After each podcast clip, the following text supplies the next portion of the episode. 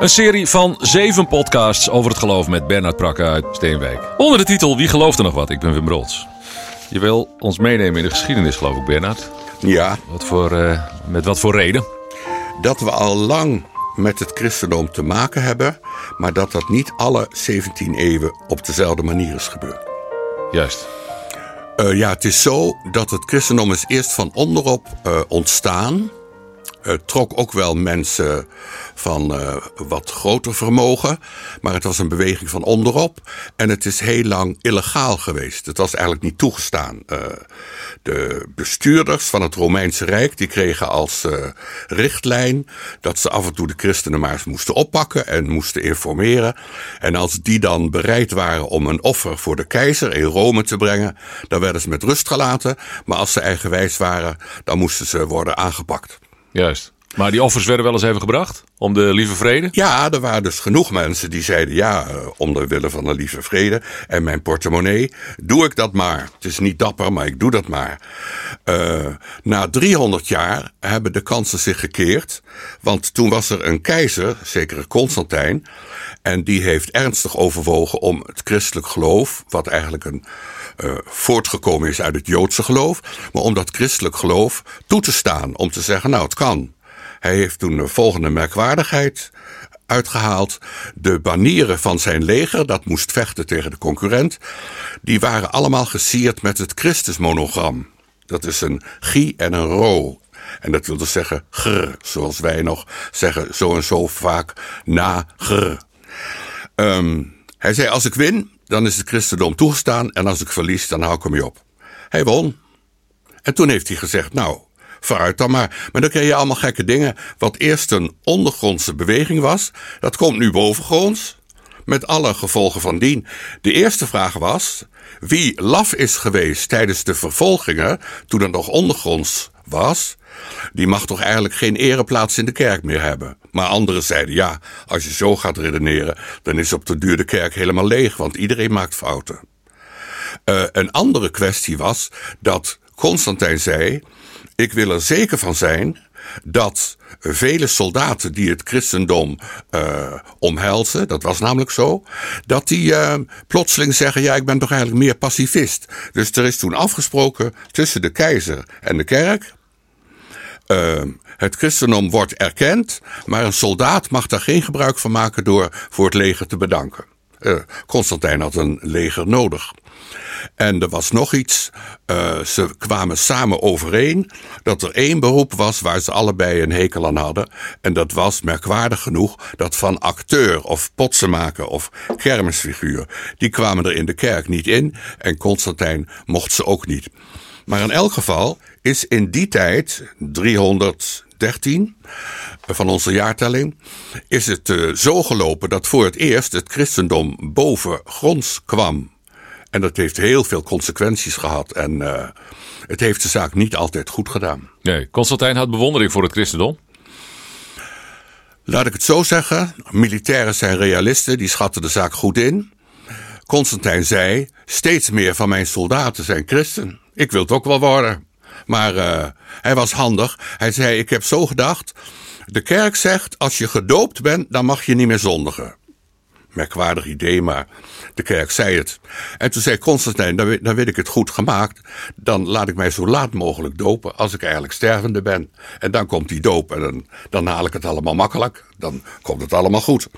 Uh, een rare toestand was nog dat door bemoeienis van Constantijn alle bisschoppen van de christelijke kerk, en dat waren er honderden, zo niet duizenden. En die waren allemaal ondergronds. Maar die kwamen toen bovengronds door, door Constantijn. En die kregen vrij reizen. Het is niet te geloven, maar het is echt waar. En het hele Romeinse Rijk mochten ze doorkruisen. Allemaal prima voor elkaar. Uh, en Constantijn zei ook: af en toe dan wil ik jullie bij elkaar hebben. En dan moet je uh, weer eens opstellen wat we nou precies geloven. En er zijn zeven van die grote synodevergaderingen geweest in die eerste zeven eeuwen. En die hebben allemaal iedere keer opnieuw het geloof weer anders gedefinieerd en er is een hoop ruzie gekomen. Dus de, de gedachte dat een synodevergadering of een nationale synodevergadering, Dordrecht, dat dat de eenheid van het christendom zou bevorderen, die kun je met de geschiedenis van de eerste zeven eeuwen niet waarmaken. Uh, uh, Constantijn heeft geen zeven eeuwen uh, geleefd lijkt mij. Hè? Nee, nee, dan heb ik het verkeerd gezegd. Nee, maar ik, ik wou even. Uh, hoe, hoe is dat dan gegaan met de opvolgers van Constantijn? Het is heel merkwaardig gegaan. Constantijn deed het zo. Ondertussen was zijn familie nou ook niet direct erg christelijk. Want met het oog op de opvolging van Constantijn zijn nogal wat moorden gepleegd. Gewoon in de familie om concurrenten voor de keizerstroon uit de weg te ruimen. Uh, Constantijn zei in 313: het christendom is toegestaan. En een van zijn opvolgers aan het einde van de vierde eeuw, die zei: het christendom is het enige. Dat, dat, is nog veel krasser. Iets anders is eigenlijk niet toegestaan. Juist, dat kwam uit die vergadering, uit ja, de concilies. Ja, ja dan zeiden ze, dat is toegestaan en de rest is allemaal flauwekul. De vraag is natuurlijk of de overheid zich ermee moet bemoeien wat het ware geloof is. Kan je beter niet doen, denk ik overheid moet zich daar niet mee bemoeien. Je, je, moet vrijheid van godsdienst hebben. En dan moet iedereen maar uh, bedenken wat hij dan wil aanhangen. Of niet wil aanhangen, dat moet ook kunnen. Naar mijn gevoel is het... een verlicht idee wat je nou ja, uh, promoot. Maar de, de, de, de halfheid van het christendom is toen ontstaan in de vierde eeuw. Namelijk het bestond. Het was zelfs de religie van voorkeur. En toen werd het zelfs de enige toegestane religie. En dat geeft een kerk een machtspositie die uh, voor die kerk zelf, voor het geestelijk leven, helemaal niet bevorderlijk is. Als je geen concurrenten meer hebt, dan uh, hoef je ook niet veel te presteren. Kijk, het, het, is eigenlijk nooit goed. Want als je de kerk alleen maar gaat onderdrukken, dan kan je natuurlijk wel zeggen, dan krijg je een hoge kwaliteit geloof, dan krijg je heel dappere mensen, maar zo is het eigenlijk niet. Uh, je, moet een, je moet in wezen een, een godsdienst alleen streng aanpakken als de motieven en de gedachten en de idealen van die godsdienst werkelijk heel bedenkelijk zijn. En als ze dat niet zijn, dan moet je ze gewoon laten geworden. Dat, dat doet onze overheid nu ook. Wij hebben alleen als merkwaardigheid, zoals je weet, de, de islam heeft vrijheid van godsdienst in Nederland. Maar de meeste mooie moskeeën die je daar kunt aantreffen tegenwoordig, die zijn vanuit Arabië betaald. Dat is wel weer gek. Maar goed, het zij zo. Het, het, het, mocht allemaal gebeuren. Ook in het hartje van Utrecht staat een enorme moskee. En er moet worden toegegeven dat, uh, dat uh, het meeleven en het meedoen in die moskee in heel veel gevallen aanzienlijk enthousiaster is dan wat de christenen ervan maken. Je refereert eigenlijk aan eerdere ontmoetingen hè, met de islam. Ja. Dit is, je zou dit kunnen uh, noemen, een, een ontmoeting met de islam kunnen noemen, de laatste, de, de laatste 20, 30 jaar. Hè, vanwege de ja. de immigratie. Hoe is dat eerder verlopen? Ze hebben twee keer geprobeerd om uh, Europa in de tang te nemen. Uh, de, de, de, ik, ik, spreek daar niet met verontwaardiging over. Het ging met de beginnende islam heel erg goed. En ze hebben Noord-Afrika helemaal veroverd. Nou, ze deden verder hun best. Ze kwamen in de achtste eeuw tot aan Poitiers. Daar zijn ze verslagen. En dat wil zeggen dat Zuid-Frankrijk heeft kunnen zeggen ho. En toen bleven de moslims in Spanje. Die zijn daar iets van zeven eeuwen gebleven. Vandaar dat er zoveel mooie uh, islamitische bouwwerken in Spanje staan. En dat dus heel wat plaatsnamen nog een islamitische herkomst uh, laten zien. Ze zijn dus tegengehouden in de 8e eeuw in Poitiers.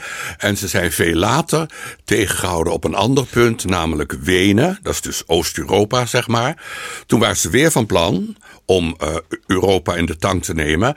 En uh, daar zijn ze ook verslagen. En toen zijn ze teruggegaan. Maar zoals we allemaal weten, denk maar aan de Balkanoorlog van 20 jaar geleden. Uh, op de Balkan is de islam nog vrij duidelijk aanwezig. En ook de, ook de vragen rondom de islam. Uh, is christendom beter? Is islam beter? Uh, die leven op de Balkan nog heel erg. En die hebben een grote rol gespeeld in de, in de Balkanoorlog van Servië, Kroatië en omliggende landen. Even over uh, het tegengehouden bij Poitiers, zeg je. In, wat moet ik me daarbij voorstellen? Militair. Dus het was gewoon een veldslag. En de, de Europeanen, de West-Europeanen, hebben toen eindelijk uh, uh, de moed en het geld opgebracht om met een behoorlijk leger te komen. En toen konden ze winnen. En dan zie je, ja, ik ben zelf niet een grote uh, liefhebber van uh, zeeslagen en veldslagen en wat iets meer zei. Maar het, het hoort wel bij het menselijk bestaan. Je kan het niet wegredeneren. En om de opmars van de islam in heel Europa te stuiten, had je absoluut een leger nodig. En dat leger heeft toen gewonnen. En toen, toen hebben ze zich verder niet met Spanje bemoeid. dat was een soort van Europees leger? Ja, ja, dat, we zitten dan in de tijd vlak voor Karel de Grote. Ja. En, en eerst hebben ze dus de moslims teruggedrongen. En daarna heeft Karel de Grote een. Uh, ja, dat is voor de mensen in Brussel, heden ten dagen, is dat het grote voorbeeld. Karel de Grote heeft uh, uh, ja, van Europa een eenheid gemaakt. Al die landen bijeengevoegd en, en één bestuur. En weer zie je het hoogst merkwaardig. Wie waren nu de mensen van wie Karel de Grote het allermeeste gebruik heeft gemaakt om de eenheid van zijn grote rijk te bevestigen, dat waren de monniken in de kloosters. Hij liet de monniken lesgeven en zo, uh, nou, met behulp. Hij beschouwde de monniken in de kloosters, die waren meestal redelijk onderlegd. Die, die beschouwde hij als zijn uh, elitepersoneel om de eenheid van zijn rijk te bevestigen. En heeft Constantijn dat, ook de christenen zo ja, gebruikt? En dat is natuurlijk, dat, dat is niet goed voor jou en mij als wij worden ingeschakeld in de belangen van iemand anders, die zegt van nou, je krijgt dit en je krijgt dat, een vrije reis en je mag alles hebben wat je maar hebben wil, want ik heb jou nodig. Daar wordt de kwaliteit van jouw oorspronkelijke overtuiging niet beter van. En, en de kwestie is volgens mij dat er zijn twee pogingen geweest om Europa in de tang te nemen. Dat is dan niet gelukt, er is een halt toegeroepen. Maar eigenlijk al vanaf Constantijn is het niet meer helemaal zuivere koffie met de kerk, want de kerk speelt ook een rol in het politieke vlak. En dat, dat, ja, dat betekent ook dat je dus compromissen sluit. En dat je, dat je je hoed afneemt voor de keizer. En dat je erg blij bent dat je weer een synode mag houden. Terwijl er niet veel goeds uit voortkomt. Enzovoort, enzovoort. Dus je, je, je hebt aan de ene kant de religie. Die moet zijn eigen gang gaan. En aan de andere kant heb je de politiek. Als die twee een verbond sluiten, dan, dan hebben nogal wat inwoners van Europa, zal ik maar zeggen in dit geval, nogal wat inwoners van Europa, die hebben een beetje tweeslachtige gevoelens over de kerk. Van ja, vertel mij wat, de kerk, de kerk, wat zal ik ervan zeggen? Ze zitten altijd op de ereplaats, ze hebben allemaal mooie jurken aan en ze hebben vrij reizen en ga zo maar door. Dat... Ja, maar dat is vanuit de geschiedenis. Hè? Als ja. je, de, de, je kunt daar niet uh, één lijn trekken naar de christelijke politieke partijen van nu, lijkt me.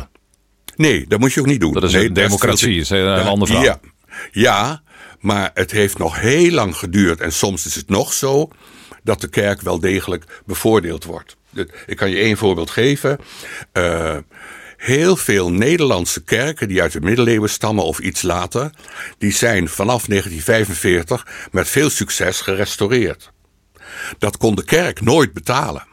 Wat kwam daarvoor? Monumentenzorg. En dat is wel geen christelijke instelling, maar dat is wel een instelling waar de kerk heel veel plezier van heeft gehad. Ja. Daar zijn dingen gebeurd die ze zelf nooit hadden gekund. Nog even naar die uh, onderwerpingspogingen de, ja. uh, bij Poitiers en de, de veldslag bij Poitiers waar dat gestuurd werd. En een, een latere poging. is daarmee de angst van nu voor overheersing door moslims? als je dat geschiedkundig naloopt, is er dan een reden tot, tot angst voor nu? Nee hoor. De, er zijn ook voorbeelden van bijvoorbeeld uh, Joodse gemeenschappen in Spanje in die eeuwen dat de islam daar de baas was, dat er een voortreffelijke verhouding is geweest tussen de Joodse gemeenschappen en de moslimoverheid. Dus dat het, de islam is niet van zich uit altijd agressief. Dat, dat kun je niet zeggen. Uh, waarom moest het dan opgelost worden met veldslagen? Ja, ja, ja, ja. Nou, daar moet ik over nadenken. Zoveel weet ik er ook niet van. Ik kan wel, kan wel pretenderen dat ik dat ook weet. Er, er moest gevochten worden, dat was duidelijk. Ze waren dus toen dreigend. Uh, kijk, uh, ik denk dat jij je ook niet identificeert met uh, alles wat het Nederlandse leger ooit heeft uitgehaald. Dat, dat is wel van onze belastinggelden gebeurd. Maar daar hoef je het niet mee eens te zijn. Je kunt zelfs een of andere missie, uh, nou weet ik wat, naar Mali of wat anders, kun je helemaal tegen zijn. Maar dat haalt er niet veel uit. Um, de politieke mensen van West-Europa in de 8e eeuw, die vonden het hoog tijd om de islam tegen te houden. Dat hebben ze ook gedaan. Uh, en de islam zelf, als je die hun gang had laten gaan, dan hadden ze heel Europa uh, omarmd. Ja, dat is zeker. Maar dat zijn er wel meer. Ik bedoel, uh, kijk alleen naar de geschiedenis van Noord-Amerika. Dat, dat is een en al machtspolitiek geweest. Eerst waren er koloniën aan de oostkant, New York en zo. En dan gaan ze, trekken ze die kolonisten naar het westen, tot aan Los Angeles. En ondertussen wordt dat hele gebied van de Indianen afgepakt. En dat gebeurde meestal door mensen die zich uh, vroom christelijk waanden. De, dat, zit, dat zit in mensen. Om, om meer gebied heb je meer belasting, heb je meer aanzien. Kan je een heel groot paleis bouwen, is altijd fijn. Moslim, Jood of christen? Ja, klopt. Ze willen het allemaal. Ja, ze willen het allemaal. Ja. Waar laat ons dat nu? Um, het is een kwestie van wijsheid van godsdienstige leiders. Dat geldt voor de islam, dat geldt voor het christendom, dat geldt voor het jodendom. Het is een kwestie van wijsheid om je positie in het maatschappelijke veld goed te bepalen. Als je dat wel goed kan, dan bemoei je je niet te veel met dingen en ook niet te weinig. Maar mensen zijn maar mensen. En die worden door allerlei uh, verleidingen geplaagd. Uh, meer macht, dat vinden ze machtig mooi. En zo zijn er nog een paar dingen te noemen. Dat, dat bepaalt de geschiedenis. Ja. Wat noem jij wijs van de laatste tijd? Ja, dat vind ik een goede vraag. Um... Als je kijkt naar kerkelijk leiderschap in Nederland of uh, nou, ik, um, Europees of ik weet niet zoveel, maar ik, ik weet wel, er is een uitzending, die zou je ook kennen, De Nieuwe Maan, TV. Hmm. Is een discussieprogramma. Daar vind ik dat moslims, christenen en, en andersdenkenden op een heel redelijke manier met elkaar bezig zijn. En ik heb vanmorgen nog gekeken... Maar zijn dat kerkelijk leiders? Dat kunnen ze worden. uh, nou, de, de, de leiders van het christendom, die, die ken ik niet zo goed in Nederland. Het is mij niet helemaal duidelijk wie dat... Uh, die komen ook niet dagelijks in de krant, zal ik maar zeggen. Nou, maar, dan we de paus of uh, iets, iets groters. Maar ik bedoel, godsdienst is iets anders dan de overheid en de macht. Godsdienst moet wel zijn verhouding bepalen tot de overheid, wat ze ervan vinden. Of ze punten zeggen, dat is helemaal fout, dat doet u helemaal fout, daar zijn wij tegen. Of dat ze dingen goed vinden. En dat hangt het, inderdaad... Het houdt niet op bij geef de keizer wat des keizers is. Ha, dat is precies hetzelfde.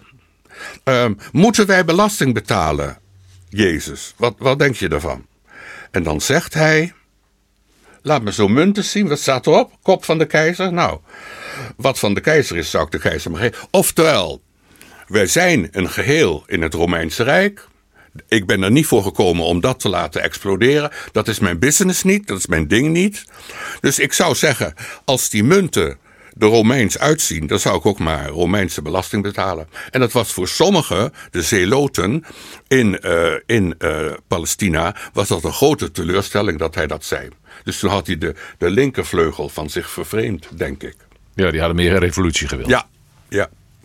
Maar het is, ik wou er alleen maar mee zeggen, um, het is ook heel lastig. Als je religieus iets hebt en je hebt hier een kerk en dan gaan mensen naartoe en een dorp verder is er ook een kerk. Um, ja, hoe moet je dat als overheid inschatten? Wat is jou dat waard? Ga je ze helpen? Ga je ze doodzwijgen? Maar omgekeerd ook, de overheid doet dingen en wat vindt de kerk daarvan?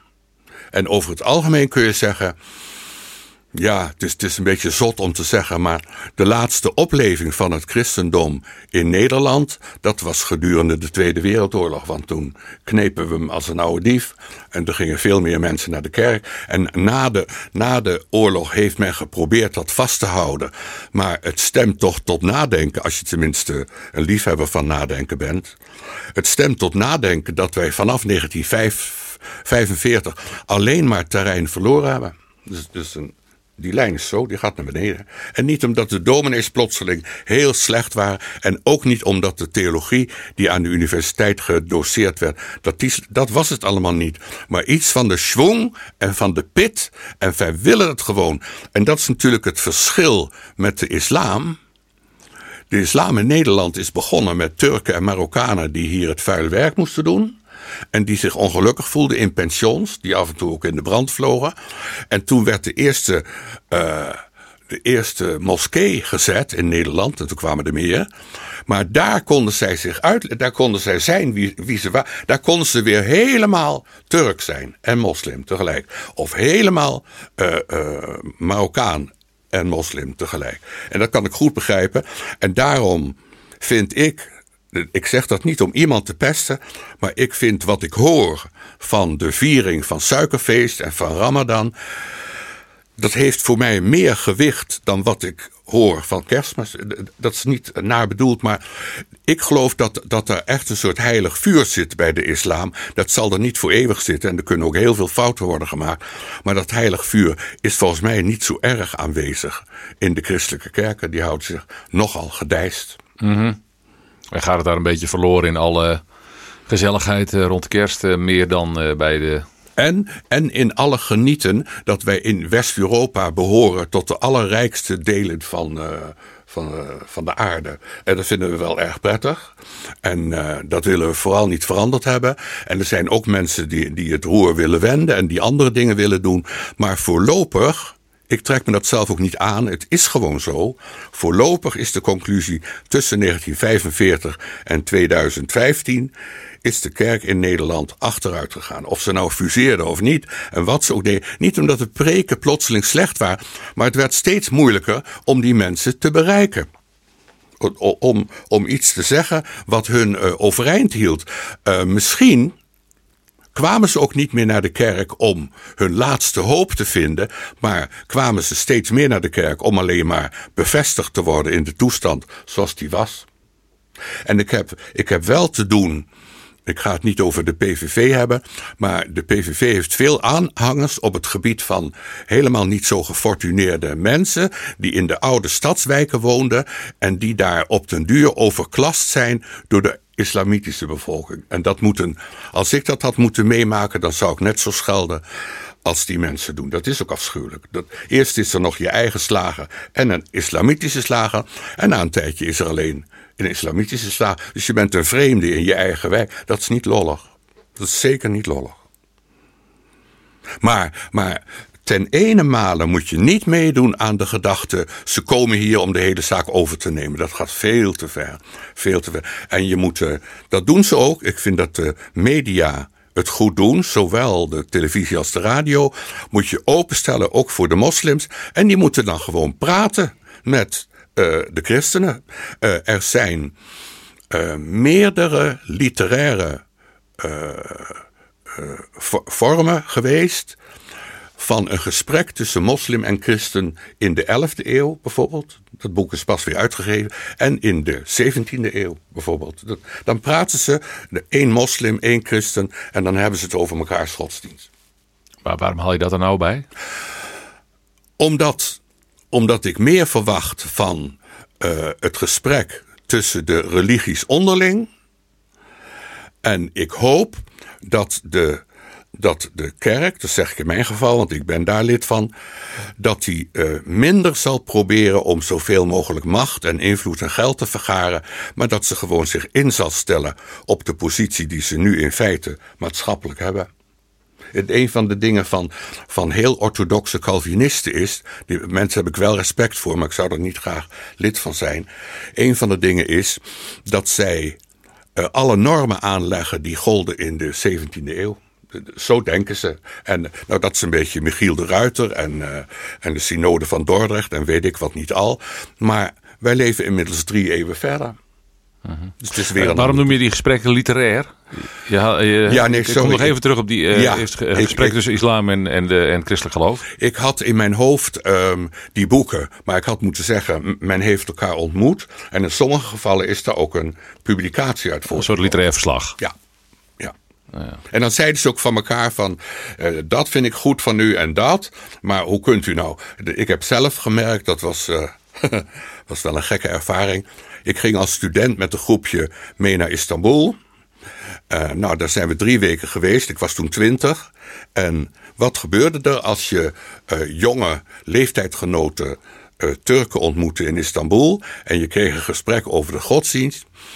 dan zeiden ze allemaal hetzelfde.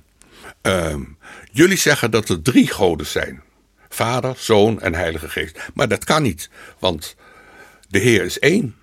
Dus er moet er maar één zijn. Dus dat is jullie eerste fout. Nou, daar is geen kletsen tegen natuurlijk. Dat, wat moet je ermee? Nee. Ik, maar waarom hebben die gesprekken dan zin?